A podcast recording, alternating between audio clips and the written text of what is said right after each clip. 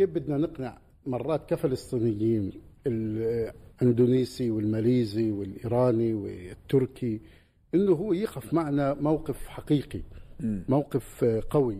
ويساندنا بشكل أحكي له الحقيقة كبير. بس أحكي له الحق. لا هو مرات هو بالآخر له مشاكله له أولوياته وممكن مصالحه كمان بتتعارض لأنه القضية الفلسطينية اليوم لما بده يواجهها ما بيواجه الاحتلال الإسرائيلي.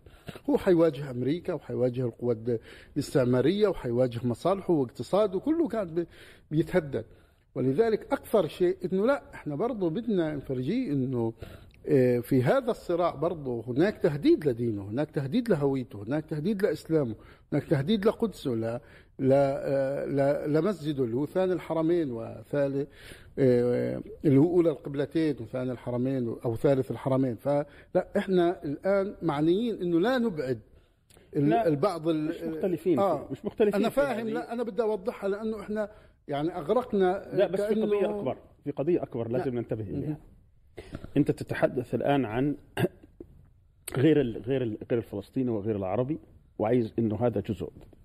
شوف أنا قلت أن بالنسبة لهم استيلائهم على القدس واحتلالهم للقدس وإعلانها عاصمة لكيانهم وأخذ الأقصى هو حيكون بالنسبة لهم نهاية الصراع نهاية الهزيمة. أها. وأنت بال- بالمجال الآخر إحنا قلنا أن هذه إسرائيل هي وضعت ووجدت حتى هذه الأمة لا تحيا من جديد. لا تكون موحدة من جديد لا تكون نه- آه، عندها نهضة لا يكون عندها ديمقراطية لا يكون عندها استقلال لا يكون عندها تنمية. كل هذه المسائل بما في عندما أتكلم لا أتكلم عن العالم العربي أتكلم عن العالم ككل. فأنت العنوان الم- المضاد الذي يقول أن هذا النفوذ كسر النفوذ الغربي في المنطقة وإبقاء على هذه المنطقة الضعيفه هو بتفكيك دولة الاحتلال، اذا هو معني التركي معني التركي مستهدف وإيران مستهدفة وباكستان مستهدفة، عندنا في التسعينات تذكر كان يتكلم عن القنبلة الإسلامية، مين كان يتكلم عليها؟ كان. مين اللي عايز ينشئ ال- الكيانات في داخل المنطقة ويقسمها؟ جنوب السودان. لما راح رئيس جنوب السودان في أول زيارة له بعد الاستقلال تبع جنوب السودان كان راح على المطار. في المطار أنا شفته كان جنبه واحد يقول إذا كان هناك يعني فضل لأحد في قيام جمهورية جنوب السودان هو هذا الرجل. هذا كان رئيس الموساد ستيشن تشيف. كان هو رئيس آه، آه، آه، الموساد في جنوب السودان لأكثر من 20 عام. وهم يعملون على تفكيك المنطقة كلياتها. جنوب السودان بدأوا يفكروا في استقلال السودان 56 بدأت الوحدة هي في سنة 57 عامل يعني طبعا أنا مش ضد حقوق الأكراد نحن مع إخواننا يأخذوا حقوقهم ولكن هم هناك في إصرار إسرائيلي على إيجاد لأنه يعتبروها دولة حاجز. إذا شفت أنت آه، إذا تذكر أنت عام 82 للمساعد الاستراتيجي لشارون اوديد يونان كان كتب ورقة بالعبرية ترجمها الدكتور إسرائيل شهاك وممكن أي واحد يراها اليوم هو كان أستاذ في الجامعة العبرية. اسمها the Oded Yinon plan هو تقسيم المنطقة من 22 إلى 43 دولة. لا هناك في استراتيجية إنه إسرائيل هي تكون المهيمنة هي المسيطرة. فهنا تأتي خطورتها على الجميع. كويس. ولكن أنا كنت بحاول أراجع وأصر على م- دين له مح... أنا هويتي إسلامية. أنا يعني منطقتي حضارتي ثقافتي ولكن هذا أنا ما بعملوش كما قال الدكتور انه إنه هو يكون أساس الصراع. يعني الصراع مش ديني مش معناته يعني تخلط دين مش معناته صراع علماني لا. كمان بالإضافة إلى ذلك دكتور إذا سمحت لي آه، أنا إذا أردت أن أستنفر أنصار القضية من عرب ومسلمين ومن بشر يحبون العدالة حول العالم لابد أن أستخدم المصطلحات الصحيحة والمعلومات الصحيحة. يعني ما بصيرش أحكي حاجة منافية لحقائق التاريخ. وهنا كان خلافي أنا وانتقدته في فصل كامل في كتابي لميثاق حماس الأول. نعم. ميثاق حركة حماس الأول الحقيقة يريد أن يستنفر المسلمين لنصرة القضية الفلسطينية بمعلومات غير صحيحة. إنه إحنا العداء اللي بيننا وبين اليهود هذا عداء تاريخي ومش صحيح. غير صحيح. معظم التاريخ ما كانش في عداء مع اليهود. آه وإنه طبيعة الصراع هذا طبيعة دينية بمعنى إنه إحنا نتقاتل إحنا وياهم منذ ما- برضه مش صحيح. صحيح. فلا بد أن يعني استنفر الناس واستدر عواطفهم لكن بالحقائق بالمعلومات الصحيحة.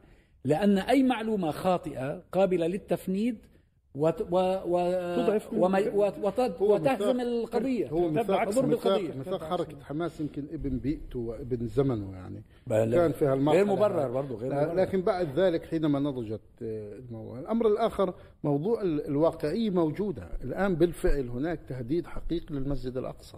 والمسجد الأقصى هو أحد أركان يعني الوجدان الإسلامي وال- والوجدان المسلم في هذا الزمن وفي أزمنة مختلفة. استشعار المسلمين لهذا التهديد وخطورته لا يجب أن يصل ويصل بشكل واضح ويصل بشكل جري هناك الآن استهداف لأن يتم تقسيم المسجد الأقصى وتم تقسيمه زمنيا الآن في ساعات يجب أن يدخل فيها الإسرائيليين ولم يكتفوا بذلك. الاحتلال لم يكتفي بهذا التقسيم. هو يريد أن يقسمه مكانيا ومن بعد ذلك يريد أن يزير ويبني الهيكل وفق ال- الوعود يعني وهنا. وهنا وهذا لازم تصل هذا الموضوع أنا- هذا لما تصل الموضوع يكون دافع المسلم يكون دافع العربي مختلف بس لما تست- تستجمع قوتك طب ما هو كان اسطبل سكروا ال- الاسطالبيين وإجوا عملوا اسطبل نعم. لما استجمعت قوتك وأصبح عندك يعني القدرة على إنك تقاتلهم يكون 90 عندك سنة اسباب هو. النجاح اس- انتصرت عليهم. هي- أنا أنا أنا معك بس لازم يكون الرؤية أصلا صحيحة. هي أدوات في النهاية في الصراع وأنت يجب أن تستخدم كل الأدوات كما يستخدمها هو. هو يستخدم البعد الديني من أنت؟ من أنت؟ من أنت؟ من تقصد بأنت؟ هذه هذه نقطة مهمة. صاحب القضية. الآن صاحب أنا القضية. المسلم. المسلم. كفلسطيني صاحب القضية لكن أنا كفلسطيني أيضا لازم يجب أن أعرف نفسي في الإطار العام. يعني إذا أنا تحدثت في جزئية يجب أن أعطيها حقها لكن إذا تحدثت في الإطار العام يجب أن أعطيه حقه. يعني أنا لست وحيدا في العالم أحارب أمريكا لأني فلسطيني ولأنها محتلة. أمريكا اليوم تعربد على العالم. وقضية أوكرانيا أمريكا طرف فيها. قضية تايوان أمريكا طرف فيها. لا يوجد مشكلة في العالم. أمريكا ليس طرفا فيها. وبالتالي أنا كمسلم أنا كمسلم ولنفرض أن الإسلام هوية قومية وليس دين أنا كمسلم مثل الصيني تماما. الصيني لديه مشكلة مع الولايات المتحدة كصيني. بغض النظر شو دينه داخلي. أنا أيضا لدي مشكلة مع الولايات المتحدة أكبر من قضية فلسطين لأنه الولايات المتحدة تريد الهيمنة والاستعمار والسيطرة على كل مقدرات العالم والتحكم في العالم لصالح فئة بيضاء في الولايات المتحدة تحكم العالم وليس شعب الول- الولايات المتحدة كله كمواطنين. وبالتالي هذا المنظور الواسع يجب أن نفكر فيه كما على فكرة هذا ممكن برضه يربطنا بإشارة عملها إبراهيم أنه هو مش موافق على على فكرة معينة وأنه ما هو دور الشعب الفلسطيني في هذا الصراع مقابل الأمة؟ آه هذا المشروع إذا كان موجها للأمة فالأمة ب- ب- ب- بكاملها ينبغي أن تحمله على عاتقها. الشعب الفلسطيني كونه في البؤرة يتحمل أكثر بواقعه. ليه؟ لأنه هو الذي يتعرض للاضطهاد هو الذي يتعرض للتنكيل هو الذي تصادر أراضيه تهدم بيوته يقتل أبناؤه هذا قدره فيصبر فهو رأس حربة في هذه المقاومة. لكن الحقيقة أن هذا المشروع أكبر من الشعب الفلسطيني. ومن هنا أنت أشرت إلى فكرة سابقة عجبتني. ربطت بين وجود الكيان الصهيوني وانعدام الحريات والحقوق والديمقراطية في العالم العربي. نعم. وهذا في ارتباط بين الأمرين. أيضا لكي نكون واقعيين هناك طرف أصيل يعني صاحب حق أصيل وهو الشعب الفلسطيني وهو نقطة الارتكاز والذي ينبغي أن نراهن عليها. وهناك طرف رديف اللي هو المسلم الذي يعتقد أن هناك قبلة مهددة قبلة أولى مهددة ومكان مقدس مهدد. يعني هذا المكان ينبغي أن يتحرر. يتحرر لكي آه، يصل إليه كل أتباع الأديان. الذي يحدث اليوم هو أن ال- ال- الإسرائيليين يحاولوا أسر هذا المكان. الاستحواذ عليه. الاستحواذ عليه تهديد لثلاث أديان لدينين رئيسيين. الإسلام والمسيحية. فالمسألة هي مسألة حرية. كيف أنا كمسلم من حقي أن أصل إلى هناك دون امتهان؟ بس يا ياسين الموضوع مش. مقتصر على المسجد. المشروع لو- الصهيوني المشروع الصهيوني يستهدف كل شيء في فلسطين صحيح. نعم. ولكنه في الأساس استهدف هذه الأمة ككيان كحضارة كوجود. هو يستهدفنا في كل مكان. لكنه في المقام الأول يستهدف هذا يعني. أصلا أصلا عندي إشكالية. يستهدف الأرض عندي- المباركة. عندي من إشكالية. شان ما نبالغش عندي- ولهذا ينبغي أن نحرر فلسطين من أثقال النظام العربي. اليوم ال- النظام العربي يتعامل مع فلسطين باعتبارها قضية جيوسياسية. يعني الآن بدلا من أن يكون النظام العربي عونا للشعب الفلسطيني أصبح ي- يعني يستخدم ي- ي- آه، يمارس الانتهازية. من زاوية القضية الفلسطينية. فهو لكي يترسخ أكثر يضغط ويقدم تنازلات على حساب القضية الفلسطينية وعلى حساب الشعب الفلسطيني. لا بل يتبنى خطابا تحريضيا ضد الشعب الفلسطيني. وصل الحال بالإعلام المساند لهذه الأنظمة أنه يستهدف الشعب الفلسطيني بل و آه، آه، يعني يجرده من حقه في الحياة وفي الوجود تماما كما لو كانوا صهاينة. لهذا الشعب الفلسطيني هو المعني. واليوم أنا أعتقد أنه أقوى طرف يواجه الإسرائيليين الأرض المباركة هم الفلسطينيون. الذي يخذل الشعب الفلسطيني اليوم أولا المرجعية السلطوية الهشة الفلسطينية نفسها ثم النظام العربي. لماذا أقول أكبر تهديد اليوم الشعب الفلسطيني؟ لأنه لأنه اليوم يشعر أنه بحاجة إلى أن يتحرر من كل هذه الأثقال. وعندما تحرر بالفعل تحول الشيخ جراح مثلا على سبيل المثال إلى قضية عالمية. يعني كل أسرة كل عائلة أصبح السكن في في في في المنازل المهترئة هذه شكل من أشكال النضال الذي لا يوجد له مثال في العالم. الإنسان دائما ينزع أن يعيش حياة كريمة لكن الناس في هذا الحي يعيشون حياة بائسة حياة بائسة ولا يمكن أن يتنازلوا عن الحياة البائسة. ويواجهون عنة إسرائيلي والإسرائيليون في المقابل يواجهون صعوبة في أنهم يسيطرون على هذا الحي. إذا الرهان على الشعب الفلسطيني. أيوة هذا الذي هذا الذي تصفه هو وجه من أوجه النضال المستمر منذ قرن في فلسطين. آه، منذ أن بدأت توضع بذور هذا المشروع في الأرض الفلسطينية. لكن الحقيقة أن المظاهر التي تحدثت عنها هي مظاهر مرضية في الأمة أنظمة عربية آه، تحرض على آه، المظلوم وتقف مع الظالم هذه تتطلب تحرير الإنسان العربي والمسلم. ومن هنا جاء الارتباط العضوي والوثيق بين حركات الشعوب العربية اللي انطلقت في عام 2011 وبين الأمل في تحرير فلسطين. إحنا لما لما شفنا الشعب بيهتف في ميادين مصر وفي تونس وفي سوريا وفي ليبيا وفي اليمن الشعب يريد إسقاط النظام الشعب يريد تحرير فلسطين عرفنا الترابط بين الأمرين لأنه طالما أن هذه الأنظمة الفاسدة الدكتاتورية جاثمة على صدور العرب والمسلمين الكيان الصهيوني سيظل موجودا. وأسمته الربيع العبري. الأنظمة العربية أسمته الربيع في في مشكلة. الحقيقة بعض الناس قد يقع بها وهي إنه يلخص قضية فلسطين بقضية الأقصى والقدس. مثلا الإخوة في تركيا هنا. يعني إذا أنت والله تقدر إذا القدس بقت تحت الرعاية الأردنية والأقصى يصلي في المسلمون ما عنده مشكلة. لا.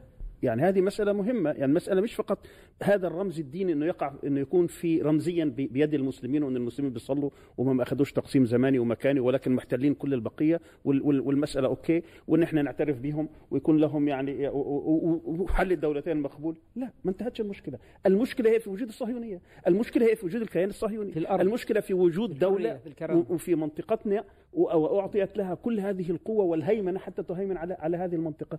هنا هنا إشكالية. هنا هنا مركز الصراع. فأنا مش يعني أنا طبعا أنا أنا أنا أنا مع إنه طبعا القدس تكون عند, عند مع المسلمين ويصلي وترجع الحقوق ولكن لا ينظر للقضية فقط هنا.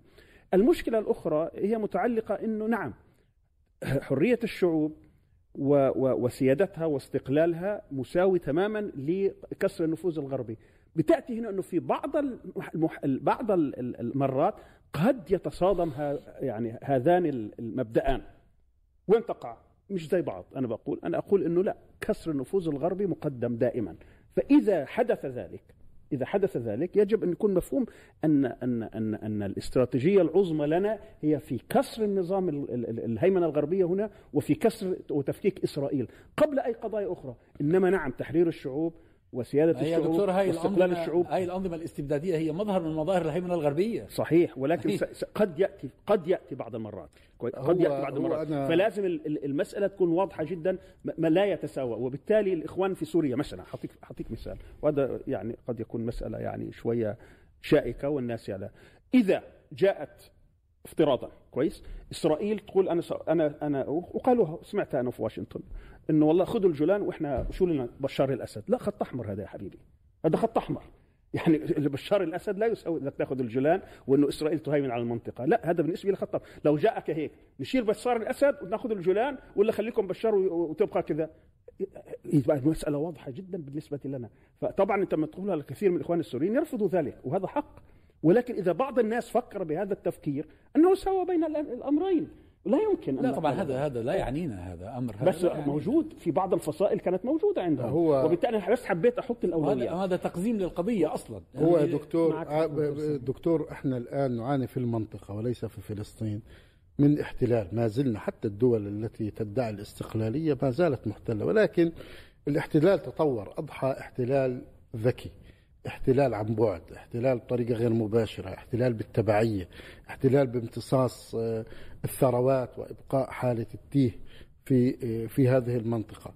لهذا يعني هل من المعقول إنه آه، الدول العربية الآن هذه الدول المختلفة اللي بيجمعها دين واحد ولسان واحد وجغرافيا واحدة وممتدة بشكل كبير مش قادرة أم يعني ترتب اوضاعها وفيها يعني معظم ثروات الأمة فيها ثروة معظم ثروات العالم وفيها ثروة آه، شبابية وثروة عقلية ومتقدمة وإلها ميراث كبير إنها مش قادرة تنهض.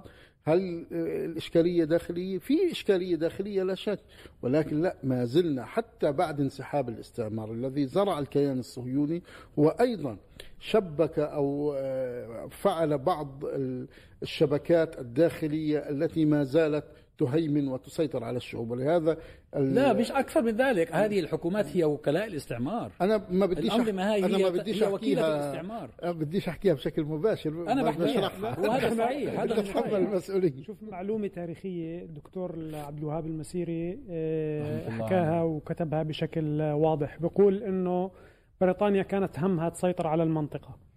ولما أعطت وعد بالفور أعطت وطن قومي لليهود ولم تعطي دولة لليهود ولا دولة يهودية لم تسمي دولة يهودية.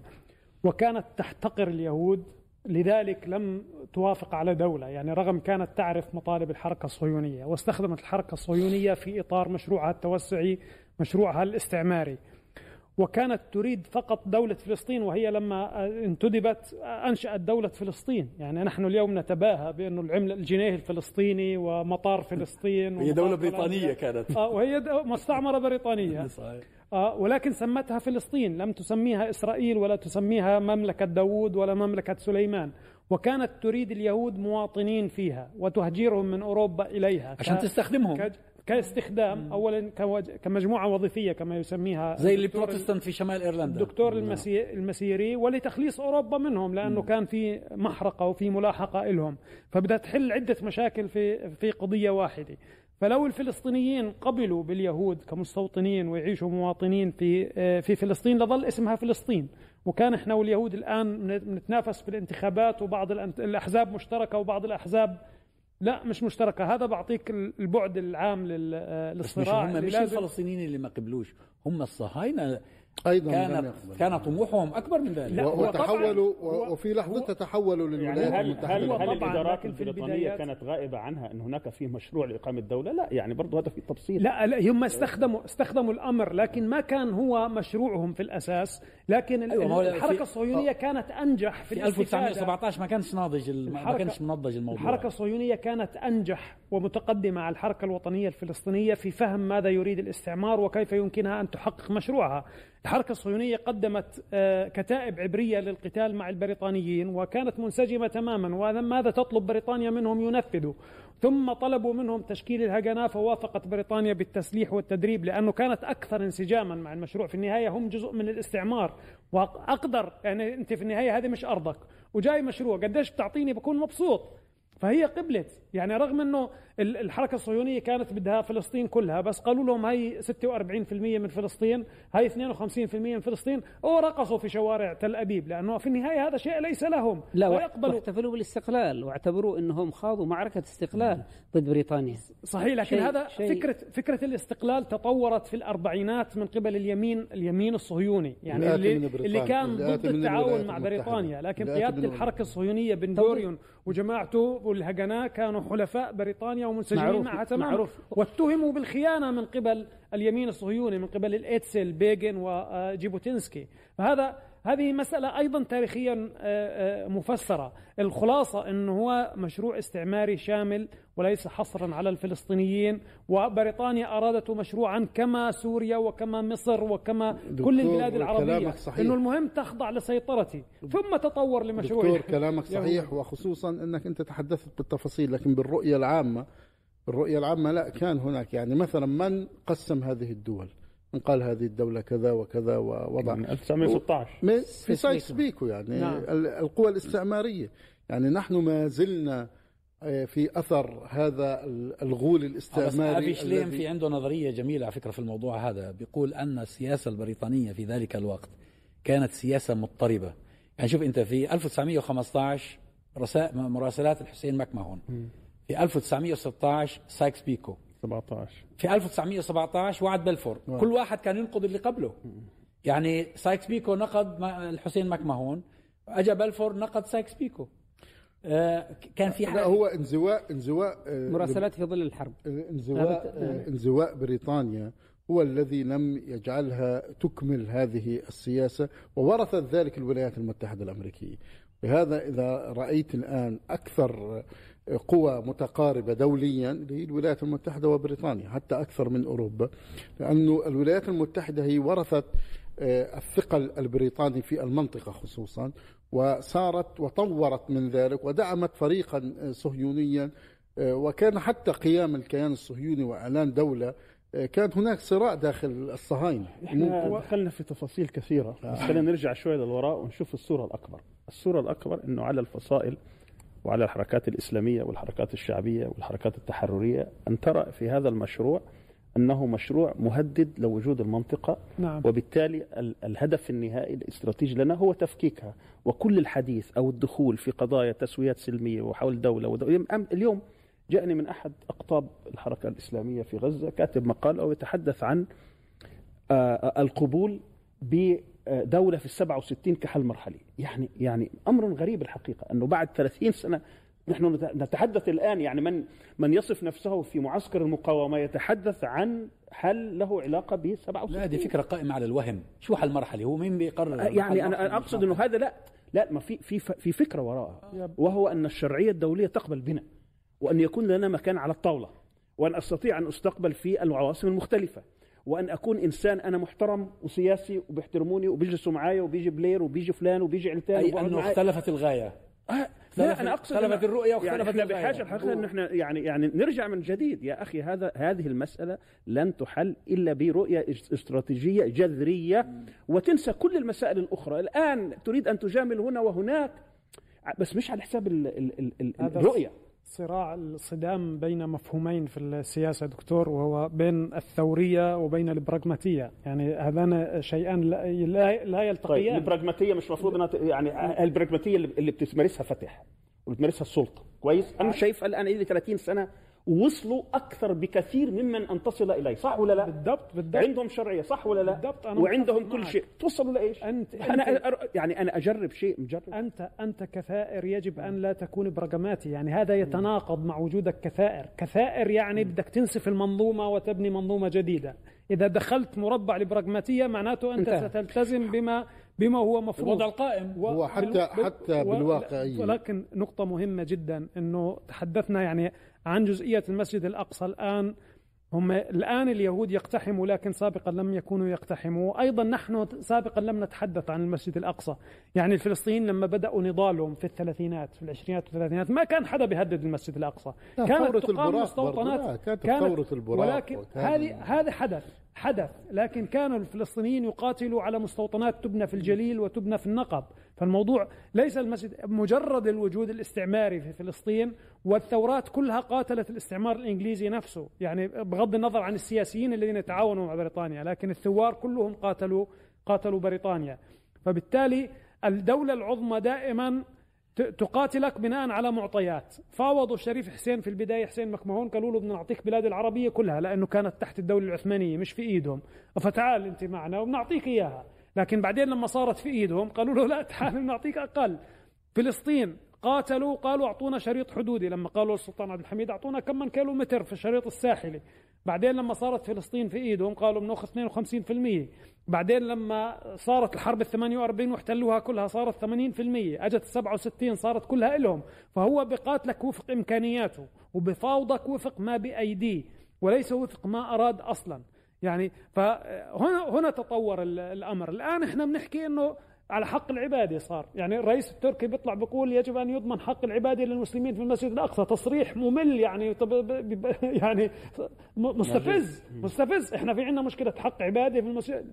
ممنوع يكونوا في القدس. ممنوع. هذه القدس الشرقية بالقانون الدولي محتلة. الأمريكان الأمريكان كانوا في موكب في شرقي القدس. تدخل الأمن الإسرائيلي بيقول لهم تمشوا شلون وتمشوا شلون. قالوا لهم مالكوش. إحنا في أرض 67 هذا وفق القانون الدولي أنتم مالكوش سلطة فيها. فالأمريكان الراعين للكيان الصهيوني في السبعة وستين في الحائط البراق رفضوا تدخلات الأمن الصهيوني لأنهم قالوا له هذه أرض محتلة. أنت تيجي تقول له كدولة إسلامية تيجي تقول له أنا بدي حق العبادة في المسجد الأقصى فهو عماله بزيحك باتجاه مطالب جزئية من القضية الكلية بحولك إنه أنت بتطالب بحق العبادة في المسجد هو الأقصى. هذا الموقف الذي نقلته عن الرئيس التركي وينقل عن كثير من الزعماء في في الأمة في وضعها الحالي. للأسف هو انعكاس لما وصل إليه الموقف الفلسطيني الموقف الرسمي الفلسطيني. بالتأكيد. آه، اللي صار يعني صار لسان حالهم يقول لن نكون فلسطينيين أكثر, أكثر من الفلسطينيين صحيح. للأسف. يعني هذا هو الذي أوصلنا إلى ذلك. ولكن هو, هو أنا ضربته كمثال لكن آه هو الاستعمار وصلنا إلى هذه النقطة عشان أساساً. استكمالا تحدث فيه الدكتور سامي. موضوع الطرح الواقعي والبراغماتي حقيقة الآن من أكثر الأطروحات الواقعية أن حل الدولتين عبارة عن وهم وكل من يتحدث فيه هو عبارة عن اجترار الوهم وبيعه للناس لأن الاحتلال الإسرائيلي الآن هو تحدث بكل وضوح. قال المبادرة العربية المبادرة العربية اللي فيها كمان يعني أبعد ما يمكن من يعني حالة بدناش نقول استسلام لكن حالة من إشراك الاحتلال الإسرائيلي وإدخاله في قلب معادلة المنطقة قالوا عنها لا تساوي الحبرة التي كتبت فيه. ليش؟ لأنه فكرة حل الدولتين الآن يكاد لا يوجد إسرائيلي أو صهيوني واحد يقبل بها. لهذا يجب حتى على المثقفين بالإضافة إلى الفصائل الفلسطينية طرح مبادرات وطرح أفكار واقعية. أن هذا الاحتلال الإسرائيلي لم يعد ينفع معهم لا قرارات ال... هذا اللي بنقوله. آه نعم أنا قلنا نؤكد على لذلك حل الدولتين آه. حل الدولتين. مش إنه مرفوض لأن الإسرائيليين يرفضونه. هو مرفوض لأنه يتناقض مع الرؤية الأصلية للمشروع. وحتى لو بدنا نتحدث في اللي بيتكلم عن براغماتية وواقعية أنه أيضا لا براغماتي ولا واقعي ولا هو يقولون أن يعني حل أو أو رؤية تفكيك الدولة هذا غير واقعي وغير لا, لا أنا أراه أنه أكثر واقعية من حل الدولتين. هو هذا الذي نقوله. أيوة كيف نفكك إذا نتعرف على أسباب قوة هذه الدولة ثم نتعامل مع هذه الأشياء باستراتيجيات وتكتيكات جامعة. وكما قلت يعني الشعب الفلسطيني إذا كان الشعب الفلسطيني قدرته أنه يتحكم في اثنين ثلاثة ولها علاقة بالوجود. يعني أهم شيء الفلسطيني انه يبقى على أرضه. أهم شيء في الفلسطيني انه يصمد. أهم شيء انه يقاوم. هو من من يعجز عن تحقيق الهدف. يتنحى لكن لا يحرم الآخرين الاستمرار في في النضال. والشعب الفلسطيني مبدع. الشعب الفلسطيني وهذا هو هذا هذا ما قصدته أنا. نعم. عندما تحدثت عن إنه ينبغي أن تتجدد الوجوه والدماء أنا اتحدث عن تجاوز كمان الشعب الفلسطيني. بشكل جذري مش مش نكون سلطه ولا سناتي سناتي يعني الشعب الفلسطيني مش وحده هو المعني بالقضية الفلسطينيه أيوه اقصد نقل المبادرة من جيل إلى جيل. المبادرة وليس السلطه وليس هو الشعب المبادرة. الشعب الفلسطيني مبدع حقيقة في التجديد. يعني حينما تمت آه، اجتياح 82 آه، في لبنان في 82 انطلقت في في 87 انتفاضة في الضفه وغزة. حينما آه، ذهب إلى أوسلو القيادة الفلسطينية اللي كانت يعني مقبولة شعبيا تم الانتفاض الانتفاض على كل أوسلو وميراثها في ال 2000 اليوم هناك في 2015 في انتفاضة القدس في الضفة في 2022 اليوم في عرين الأسود وكتيبة جنين. اليوم في هناك حالة من حالات من حالات التجديد الدائم. انظر مثلا حتى في قطاع غزة أنت تتكلم عن أكثر من ثلاث أو أربع حروب ك... هذا التجديد الدائم نعم. هذا حتى التغيرات اللي حدثت في داخل الشعب الفلسطيني نقول هذا غير كافية. غير كافية. يعني القضية الفلسطينية هي قضية الوجود الكياني الصهيوني وبالتالي لا تحتاج بحشد الأمة كلها. يعني المصري ما يطلعليش من بعيد والسوري والعراقي واليمني والليبي والأندونيسي والباكستاني واللي آه شكرا جزيلا لا. بده يكون يكون هو جزء من المعركة. لأن المعركة عالمية. يعني بمعنى آخر الاتحاد السوفيتي سقط ما كانش في حرب. انهار. لأنه كان في عليه ضغط عالمي في كل مكان في العالم. نقرأ التاريخ كويس. وإنت هنا ممكن يعني اللي واجب على المسلم والذي يريد أن يرى يعني يعني تحريرا ويرى ويرى حرية وعدل في أمريكا زيه زيي وبجزء قد يكون هو قدرته على على التاثير أكثر كمان. نعم. الأمة العربية والإسلامية نموقن يعني أو نرى في إنه هي كانت على استعداد كبير للمشاركة.